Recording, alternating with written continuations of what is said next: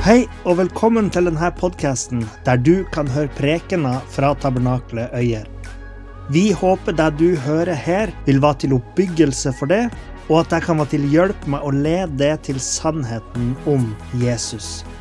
Hvis du ønsker å finne ut mer om oss, kan du gå inn på hjemmesida vår på tabernakletoyer.no.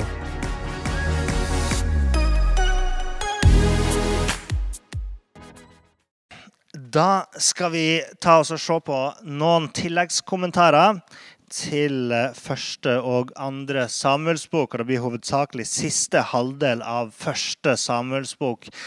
Der det er noen spørsmål som dukker opp, selvsagt det er flere spørsmål enn det eh, vi går igjennom i de her tilleggskommentarene som man kun har sett på. Eh, men jeg har valgt ut noen spørsmål som er relevant, og som jeg tror mange vil synes er både spennende og interessant å høre litt om. Så selv om Eh, selv om det er litt mye stoff, så vil det fortsatt være sånn at man kan gå inn på podkast og høre gjennom det seinere og se i sin egen bibel og, ja, og høre det flere ganger hvis man trenger det. Det første spørsmålet vi skal se på, er uh, spørsmålet om den onde ånden som kom over Saul. Først så kan jeg bare si at dette har vært et debattert emne. Teologer har diskutert hva som skjedde med Saul, og har foreslått alt fra naturlige årsaker med diverse sinnslidelser til selvsagt demonisk aktivitet. Noen mener at det var en straff for syndene hans. Andre tenker på det som en konsekvens av valgene hans. Grunnen til at det har skapt mye spekulasjoner, er fordi at teksten ikke sier eksplisitt hvorfor dette skjer med Saul. Men likevel så tror jeg at vi har nok til å i hvert fall gjøre ei velinformert gjetning om hva det er som foregår. I kapittel 15 så får vi vite av Samuel at Saul blir forkasta som konge pga. sin ulydighet mot Gud. I kapittel 16 så blir David salvet til å bli Israels neste konge. Og i vers 13 så kommer Guds ånd sterkt over David. Umiddelbart i neste vers står det Men Herrens ånd vek bort fra Saul, og Herren lot en ond ånd plage ham med frykt. For det første er det tydelig at forfatteren ønsker å understreke Davids utvelgelse og Sauls forkastelse i de her to versene, siden de setter David og Saul i sterk kontrast til hverandre. Så Den første, første eh, verset jeg leste her, vers 13, er fra Bibelen Guds ord 2017. Der står det 'Herren lot en ond ånd plage ham med frykt'. Eh, Bibelen 2011 skriver 'En ond ånd fra Herren skremte ham'. 1930-oversettelsen 'En ond ånd fra Herren forferdet ham'. 1930 er akkurat samme som norsk norsk bibel 8807. Eh, og de engelske oversettelsene har stort sett eh, en ånd fra Herren forferdet ham eller skremte ham. Der kan man se ISV, NASB, NIV, NKJV, NRSV, hvis det er noen som er interessert i det. Sånn at vi ser de, de, de fleste store eh, bibeloversettelsene de skriver at dette er en ond ånd fra Herren. Noen teologer mener da at Gud aktivt sendte en ond ånd over Saul. Men de fleste ser ut til å tolke det som at Gud tillot Saul å bli plaga som en konsekvens av at Den hellige ånd tok vekk sin styrke og beskyttelse fra Saul. Noen påpeker at ond, ordet 'ond' i denne sammenhengen trenger ikke nødvendigvis å forstås som et åndsvesen med en ond karakter, sånn som en demon, men kan betegne eh, noe som gjør ondt mot Saul, eller som eh, gjør noe som for Saul oppleves som ondt, mener jeg. At det er noe som gjør mot Saul, noe som oppleves som ondt, som f.eks. dødsengelen i Egypt. Andre mener òg at ånden ikke trengs å forstå som et åndelig vesen, men kan referere til den psykologiske tilstanden til Saul. Altså Gud lot Sauls egen onde ånd komme over han med full kraft kraft. En slik eh, naturalistisk tolkning vil selvsagt ha større gjennomslagskraft blant mer liberale eh, teologer. Men akkurat hvordan dette skal tolkes, er kanskje ikke så farlig, sjøl om jeg lener mot å forstå det som at det faktisk er snakk om at Gud tillot, enten aktivt eller passivt, at en demonisk ånd plaga Saul. Det som kan tale for en aktiv tillatelse, eller at Gud sender en ond ånd, er at Gud ønska at folket skulle se en total forkastelse og forfall av Saul og at dette ikke ville skje uten at Gud faktisk grep inn. Teksten ser ut til å hinte om det her, eh, om at det var en av hensiktene med at Guds ånd forlot Saul. fordi det står i neste vers, eh, kapittel 16, vers 15 altså. Sauls tjenere sa til ham, se, en ond ånd fra Gud plager deg. Altså, nå så de jo tydelig at Saul var plaga. Og Ellers så ser jeg ikke at det skulle være nødvendig at Gud liksom aktivt sendte en ond ånd til Saul, siden det samme resultatet kunne oppnås ved at Gud passivt tillot en ond ånd å plage Saul. Det jeg ser på som kan understøtte en passiv tillatelse fra Gud til at en ond ånd kunne plage Saul, er nettopp bemerkninga om at Guds ånd forlot Saul. Vi husker tilbake Tidligere i historien så opplevde Saul å få et nytt hjerte av Gud, sjøl om Saul forringa det her med sine dårlige valg. Uansett så er det tydelig at Guds hensikt var å utruste og styrke Saul i tjenesten som konge. Nå derimot tas den styrken og utrustninga vekk fra Saul, noe som vil gjøre en fremstående person som kongen i Israel var, til både et attraktivt og et enkelt bytte for demoniske krefter. Altså, alt Gud trenger å gjøre i sin forkastelse av Saul, er rett og slett å forlate han. Og det her mener jeg også er i tråd med f.eks.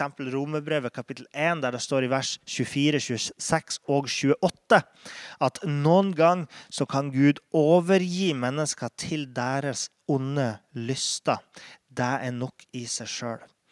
Og pga. Sauls gjentatte opposisjon mot Gud, hans gjentatte synder og uvillighet til å være lydhør mot Gud, så åpna Saul opp for og gjorde seg sjøl sårbar for demoniske angrep. Eller hvis du foretrekker en mer naturalistisk tolkning, altså han åpna seg sjøl mer opp for sine egne syndige syndige eh, tilnærmelser, eller hva man vil si for noen ting. Vi vet jo at Gud tillater at vi mennesker gjør onde ting, og tillater at både onde og vonde ting skjer med oss mennesker. Samtidig som vi vet at i Jesus har Gud sørga for en frelser fra onde åndsmakter og fra vår egen ondskap. Og hvis vi i tillit griper denne sannheten og tror på det, så skal ingenting kunne stå imellom oss og Gud. Ja, Nå blir det litt som en preken her, eh, det er ikke meningen, men det er viktig å få fram denne sannheten. Og Uansett hvordan vi velger å tolke denne teksten, så kan vi være sikre på at Gud ønsker at alle mennesker skal bli frelst. I tillegg så kjenner Gud både vårt hjerte, altså vår dypeste karakter, og han kjenner vår framtid. Derfor er det bare Gud som kunne kjenne den beste måten å behandle Saul på. Uh, og Jeg tror ikke vi samtidig skal tolke de her versene i retning av at Gud på noen som helst måte fratok Saul muligheten til å bli frelst. Uh, jeg vet faktisk ikke om Saul ble frelst til slutt eller ikke. Kan jo, teksten kan jo tyde på at, uh, at den forkastelsen òg var en åndelig forkastelse, altså at han ikke lenger hadde frelse. Men vi skal ikke Eh, vi skal ikke slå det helt fast, og uansett, utvalg, nei, uansett utfall, mener jeg, så, så var det pga. hans egne valg. Uansett hva som endte, hvordan Saul endte, om han ble frelst eller ikke, så var det et resultat av hans egne valg. I Saul sitt liv så ga Gud han det han ville ha. Saul ville ha makt over sitt eget liv og makt over sin egen skjebne, og det var det han fikk. Men dermed så var det òg alt han måtte greie seg med i, eh, i både sine indre og sine ytre kamper. Så la oss gå videre til det neste spørsmålet, som er finnes spøkelser, og kan de manes fram, ut fra det vi kan lese i 1. Samuels bok, kapittel 28. Jeg skal ikke ta en sånn systematisk gjennomgang av tematikken omkring spøkelser og åndemaning. Det får bli en annen gang, men vi kan prøve å se hva vi kan utlede fra denne teksten. For i første Samuels bok, kapittel 28, så leser vi om eh, Saul som besøker åndemaneren i Endor. Og de som liker Star Wars, vet at Endor òg er en planet der i Star Wars-filmene. Eh, men der i Endor så ba han denne spåkvinna om å mane fram profeten Samuel, som på dette tidspunktet var død. Og Visstnok dukka Samuel opp og viser seg for kvinnen og for Saul så er det berettiget å spørre seg hva er det som skjer her. Er det et spøkelse som dukker opp her? Er det åndemannen som faktisk har evnen til å hente fram de døde? Eller hva er det som skjer? I første omgang så tror jeg det bibelsk sett er klart at vi kan utelukke at Samuel var et spøkelse eller et gjenferd, i den forstand at han fortsatt hadde blitt igjen på jorda blant de som en slags hvileløs sjel som flaut rundt her Bibelen er jo ganske tydelig på at vår sjel eller vår ånd, eller hva du vil kalle den ikke-materielle delen av oss mennesker, den går til en annen destinasjon enn den verden vi lever i. Enten om det er himmelen for de frelste i påvente av den nye verden, eller helvete for de ufrelste. Noen kristne hevder jo, litt andre ting, sånn som katolikkene, som tror på skjærsilden som en slags mellomstasjon for ytterligere renselse og ytterligere helliggjørelse før man kommer til himmelen. Eh, og f.eks. annihilasjonistene, som tror at de ufrelste bare dør og blir borte. Men uansett så er tanken den samme, nemlig at menneskesjela ikke vandrer eh, omkring rundt oss. Eh, på samme tid er det ikke tvil om at åndelige fenomen kan forekomme blant oss, og at sataniske krefter eller demoner er i stand til å manifestere ulike ting i denne verden og kommunisere med mennesker. På den andre sida er det òg mulig for Gud å gi folk syner og for å kommunisere et budskap. Eksempler på det er jo når Gud viser seg som en brennende busk for Moses, som en røyksky over tempelet i Jerusalem, når en hånd viste seg i slottet til Belsasar, som skrev på veggen, og når Elia og Moses viste seg sammen med Jesus framfor disiplene til Jesus, og mange andre eksempler. Men i dette tilfellet så er det ingenting som tyder på at synet av Samuel var et resultat av demonisk aktivitet, siden han faktisk kommer med et budskap som er i tråd med de profetiske budskapene han allerede hadde kommet med før. I tillegg så ser vi hvordan teksten bemerker hvordan denne spåkona eller åndemaneren var skikkelig skikkelig forskrekka når Samuel viste seg for henne, som om hun ikke hadde forventa at det i det hele tatt skulle skje. Så de her tingene tyder på at det som skjedde, ikke var noe vi mennesker kan gjøre sjøl, men at det var ei Guds handling som lot de se og snakke med Samuel fordi Gud hadde ei hensikt med det. Så bare for å understreke, denne teksten kan ikke brukes verken til å hevde at spøkelser finnes, eller at vi mennesker har makt til å hente fram de døde. Det siste spørsmålet vi skal se på, skal vi bruke litt lengre tid på. Og det er spørsmålet hadde David og Jonathan et homoseksuelt forhold. Dette spørsmålet kommer kanskje som en overraskelse på det. Men faktisk så er det sånn at det her har etter hvert blitt et nokså vanlig argument blant forkjempere for likekjønna samliv i kirka. Og Det er derfor jeg har lyst til å bruke litt tid på det. Sånn at hvis, man, hvis noen av dere på et eller annet tidspunkt møter denne argumentasjonen, denne tolkninga av teksten, så kan dere gå tilbake til, eh, til podkasten vår, og der kan dere høre eh, denne der jeg prøver å, å, å, gi et svar på dette spørsmålet. Eh, hadde David og Jonathan et homoseksuelt forhold? Enten ved at man forstår det sånn at um, Jonathan og David faktisk var elskere, eller at man leser denne historien som en bibeltekst som uttrykker de samme følelser mellom to likekjønnede som det homofile føler, så er det noe som eh, folk tolker inn i denne teksten, eller legger til denne teksten. Og faktisk så prøver jo folk fra tid til annen å lese homoseksuelle relasjoner inn i mange andre bibelfortellinger òg. Og, og, i tillegg til at man leser seksuelle relasjoner inn i bibelfortellingene. Som f.eks. mellom Ruth og Naomi, altså mellom svigermor og svigerdatter. Mellom Jesus og Lasarus. Mellom Jesus og Johannes. Mellom Jesus og Maria Magdalena. Og noen sier at kanskje til og med Paulus var homofil, siden vi ikke ser noe tegn til at han var gift. Men uansett Argumentet for at David og Jonathan hadde et romantisk forhold, kan gå noe sånt som det her, sånn som pastor JD Cunningham legger det fram. Punkt 1, sier han. I 1. Samuels bok 18,1 står det da David hadde snakket med Saul, ble Jonathan nær knyttet til David, og han fikk ham så kjær som sitt eget liv. Cunningham sier at bare elskere har hverandre så kjær som sitt eget liv, og at vi kan ikke bare omdefinere betydninga av det som står her. Punkt 2. I neste vers så står det samme dag tok Saul David til seg og lot ham ikke mer få vende tilbake til sitt hjem. Ifølge Cunningham så betyr det her at Saul tok David inn i sitt eget hjem fordi David hadde inngått en ekteskapspakt med sin sønn Jonathan.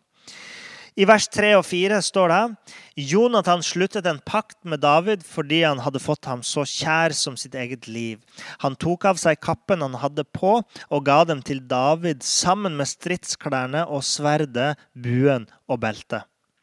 For Cunningham så er dette bare ei tydeliggjøring av en ekteskapspakt mellom de to. Punkt 4. Han mener at 1. Samuelsbok kapittel 20 vers 30 peker på at Saul visste om forholdet mellom de. Der står det eh, at Saul sier Var det ikke det jeg visste? At du har utvalgt deg denne Isai-sønnen til skam for deg selv og til skam for din mors nakenhet. Punkt 5. David adopterte Jonathans sønn etter at Jonathan var død. Der er altså snakk om Mefiboset i 2. Eh, Samuels bok kapittel 9. Og punkt 6. Og etter Jonathan var død, så lagde David et dikt til han i 2. Samuels bok 1. Jeg sørger over deg, Jonathan, min bror. Du var meg inderlig kjær. For meg var din kjærlighet mer underfull enn kvinners kjærlighet. Så de her seks punktene legger da JD Cunningham fram i sin argumentasjon. Først så må vi merke oss da at ingen av disse versene snakker om noe seksuelt. I beste fall, men det er ikke med i Cunningham sin argumentasjon. Men det står i 1. Samuels bok 2041 så kysset de hverandre og gråt begge to. David storgråt. Men vi skal komme tilbake til det verset òg til slutt. Eh, klart, jeg har lest om en som hadde erotiske fantasier om når Jonathan gir kappen, beltet og sverdet sitt til David. Men det er jo absolutt ikke i denne teksten, så derfor var på denne personen sin egen samvittighet at han leser det inn i teksten. Men la oss se litt nærmere på de her versene. da. Den sammenhengen de her versene står i, er jo en del av et, et, større narrativ, en større historie. Nemlig forholdet mellom Guds utvalgte Messias, eller Guds salvede konge, altså David. Forholdet mellom David og Guds utvalgte folk. Kjærligheten til David er nemlig et tema som går igjen i de her tekstene. Kapittel 16, vers 21. Så kom David til Saul og sto framfor ham. Saul elsket ham meget høyt. 18.1. Jonathan elsket ham som sin egen sjel. 18.16. Hele Israel og Juda elsket David. Vers 20. Sauls datter Mikal elsket David. Vers 22. Saul befalte tjenerne sine, snakk med David i hemmelighet og si, se, kongen gleder seg over deg, og alle tjenerne hans elsker deg. Ok, Så det er et tema som går igjen her. La oss eh, se på kapittel 18, vers 1. Da David hadde snakket med Saul, står det her, ble Jonathan nær knyttet til David, og han fikk ham så kjær som sitt eget liv.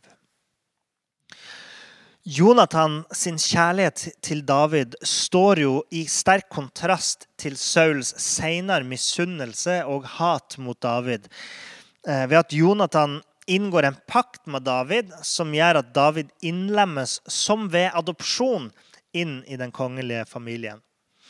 Og eh, I lys av det jeg nettopp sa om tematikken omkring kjærlighet til David, så kan man på en måte si at den mikrofortellinga, den lille fortellinga om Jonathan og David, eksemplifiserer den større fortellinga om Israel og David. Nærmere bestemt Israels kjærlighet for David. Ordet som brukes her for å knyttes sammen i dette verset, at Jonathan ble knytta sammen med David, eh, det er et ord som heter kasar. Det brukes vanligvis om en sammenbinding av personer for politiske formål, ifølge teologen Robert Gagnon. I tillegg så sier Gagnon at kjærlighetsspråket er typisk for pakter mellom en overherre og vasaller, eller mellom to politiske herskere med omtrent samme makt. Det vil si at på samme måte som Jonathan elska David, så elska hele Israel og Juda David fordi han leda de til seier i krig. Michael Brown, doktor i hebraisk og semittiske språk, kommenterer òg at uttrykket om å knyttes sammen brukes aldri i GT om et seksuelt eller romantisk forhold mellom to personer. Sjølsagt ble jo David og Jonathan nær som brødre, som venner. Eller kanskje de til og med hadde nesten som et slags far-sønn-forhold, siden Jonathan var en del år eldre enn David. Men uansett så var det ei politisk side som var veldig viktig ved forholdet deres. La oss gå til vers 2. Samme dag tok Saul David til seg og lot ham ikke mer få vende tilbake til sitt hjem. Dette antyder på ingen måte at det var inngått en ekteskapspakt mellom David og Jonathan. Tvert imot så var David i utgangspunktet tilkalt av Saul pga. sin åndelige salvelse og evne til å holde Sauls demoner i sjakk. Dette og at David seira over Goliat, var ting som gjorde at David allerede var blitt tatt inn i Sauls hus. La oss gå til vers 3 og 4. Jonathan sluttet en pakt med David fordi han hadde fått ham så kjær som sitt eget liv. Han tok av seg kappen han hadde på, og ga dem til David sammen med stridsklærne og sverdet, buen og beltet. Cunningham han ser jo som sagt på det her som en ytterligere understreking av ei ekteskapspakt. Men igjen så er det her typisk språk for en politisk pakt. Og høyst sannsynlig så er Jonathans overrekkelse en symbolsk handling av politisk betydning. Eh, J.A. Thomsen skriver i en artikkel om verbet 'kjærlighet' i David og Jonathan-fortellingene at Overrekkelsen av våpen fra den mindre til den større ser ut til å ha hatt politiske implikasjoner i det antikke Nære Østen. Det vil si at denne overrekkelsen symboliserer at Jonathan overrekker arveretten til tronen fra eh, Sauls og Jonathan sitt hus til Davids hus. Dette kommer enda mer tydeligere fram i 1. Samuels bok kapittel 20 vers 16. Slik sluttet Jonathan en pakt med Davids hus. La oss gå til kapittel 20 vers 30.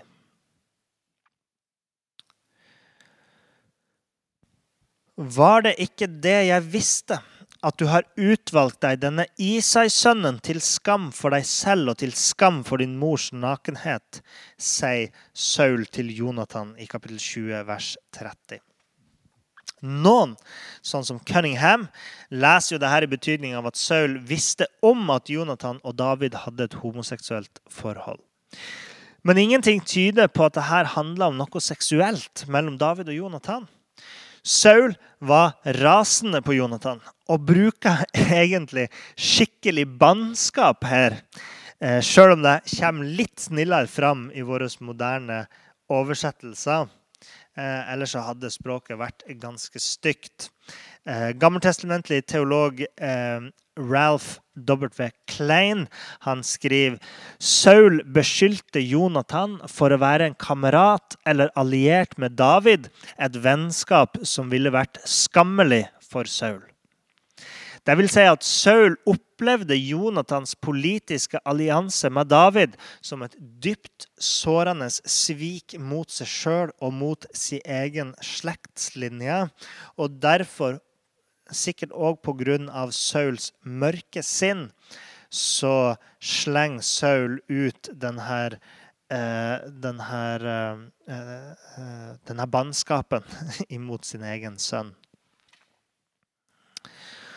Og så er det punktet om at David adopterte Jonathans sønn etter hans død. Cunningham bruker det her som et argument for et seksuelt forhold mellom de to. Ja, David overholdte sin del av pakten med Jonathan om at David skulle ta vare på Jonathans hus ved å spare livet til Jonathans sønn Mefiborset, og at han ga Mefiborset et sete ved kongen sitt bord. På ingen måte er det et argument for et seksuelt forhold. Vi går videre til 2. Samuels bok, kapittel 1, vers 26. Der så sier David.: Jeg sørger over deg, Jonathan, min bror. Du var meg inderlig kjær. For meg var din kjærlighet mer underfull enn kvinners kjærlighet.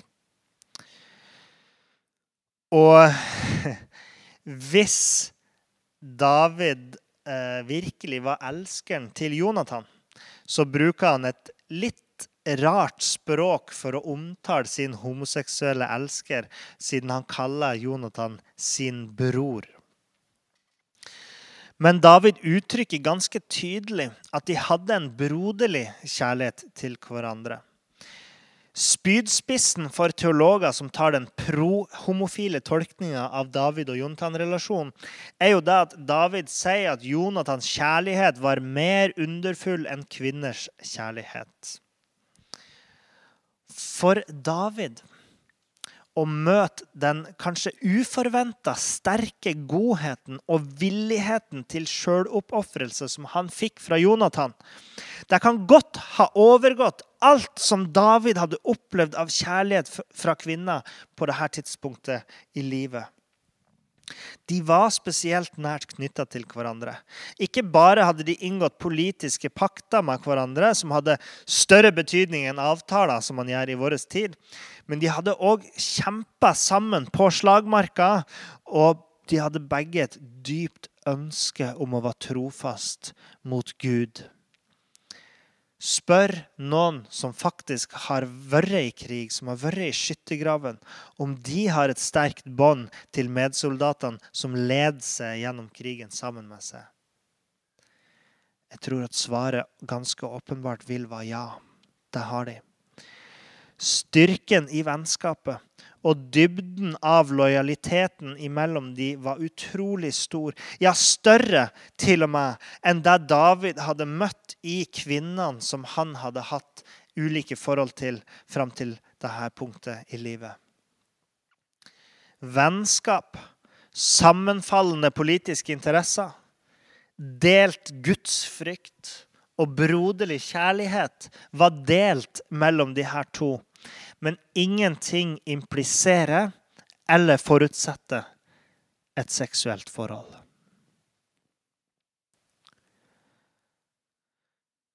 Jeg nevnte tidligere 1. Samuelsbok kapittel 20 vers 41.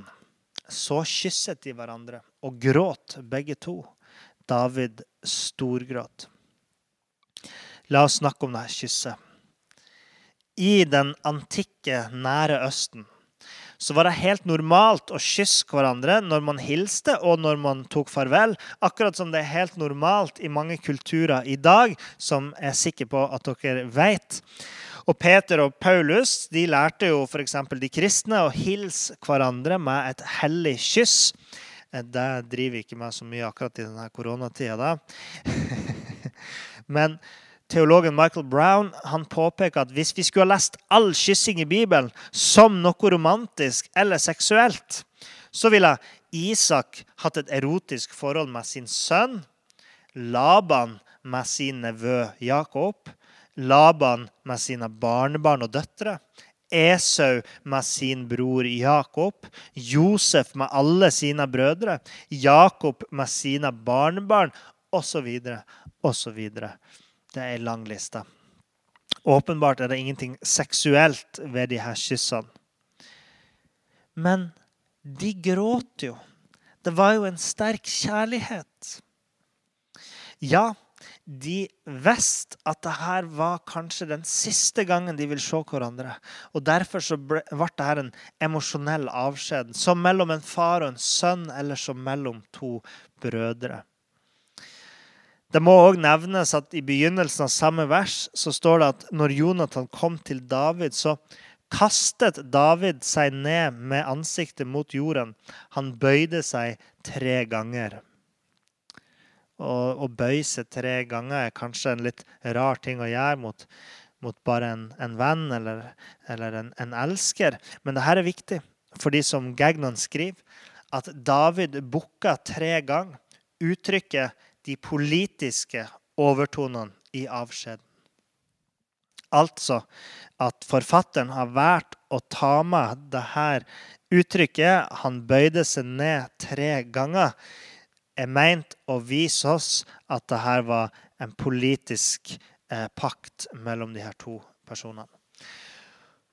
Forholdet mellom David og Jonathan er et eksempel på et sterkt og nært vennskap men for tekstens anliggende så er det den politiske betydninga som er viktigst. Langt ifra at forfatteren forsøker å dysne et erotisk forhold, så løftes denne relasjonen fram, kanskje nesten mer enn nødvendig, for å få fram hvordan David rettmessig kunne sies å ha fått retten til tronen. Ikke bare fra Gud, men òg fra Sauls egen slekt.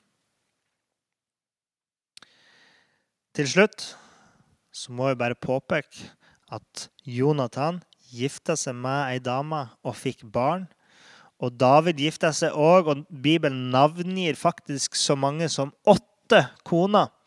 Og I tillegg så ble jo nettopp Davids heteroseksuelle begjær en kilde til problem for han senere i livet. Og vi vet jo at sjøl synet av ei naken kvinne som bada, var nok til å vekke et sterkt seksuelt begjær hos David. Så sterkt at han var villig til å gjøre en stor synd for dette begjæret.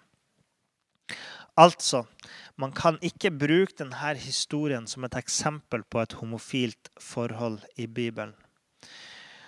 At man utleder noe sånt fra denne teksten, er heller et uttrykk for den seksualiserte kulturen vi lever i, og en mangel på forståelse for den kulturelle og historiske sammenhengen, eh, sammenhengene disse historiene fant sted i.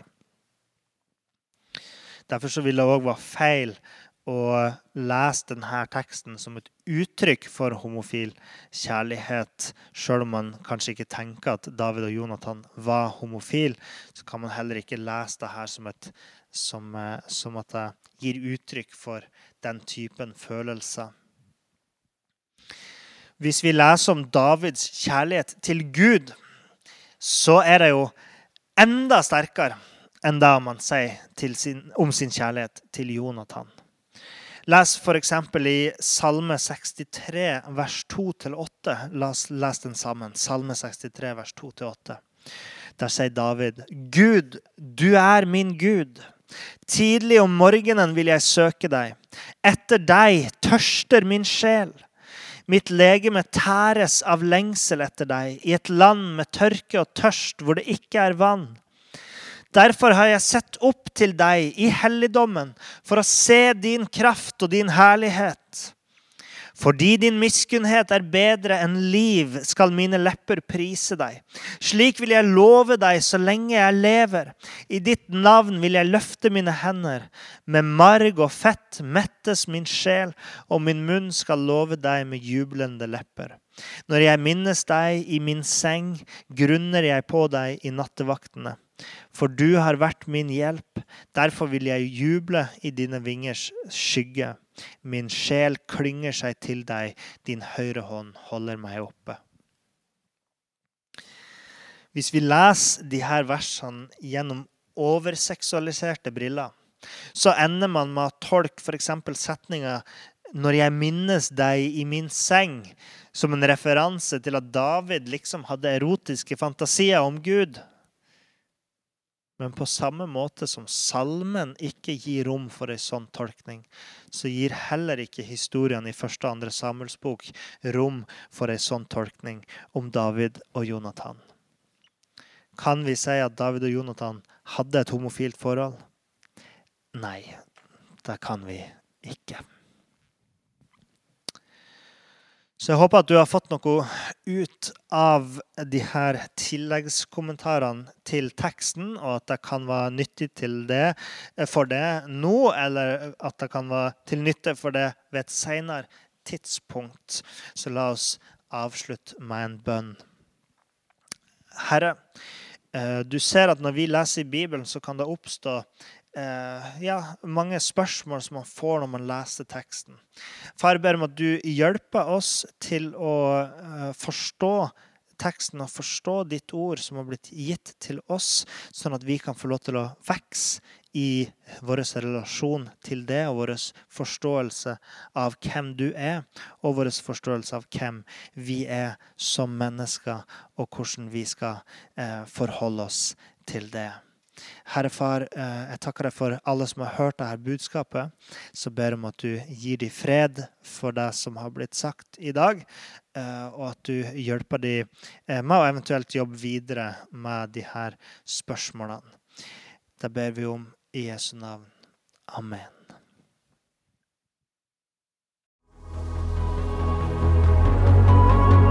Takk for at du hørte på. Hvis du tok et steg i tro i dag, eller du har noe du ønsker forbønn for, så vil vi gjerne høre ifra det via e-postadressen kontaktalfakrølltabernakletoier.no.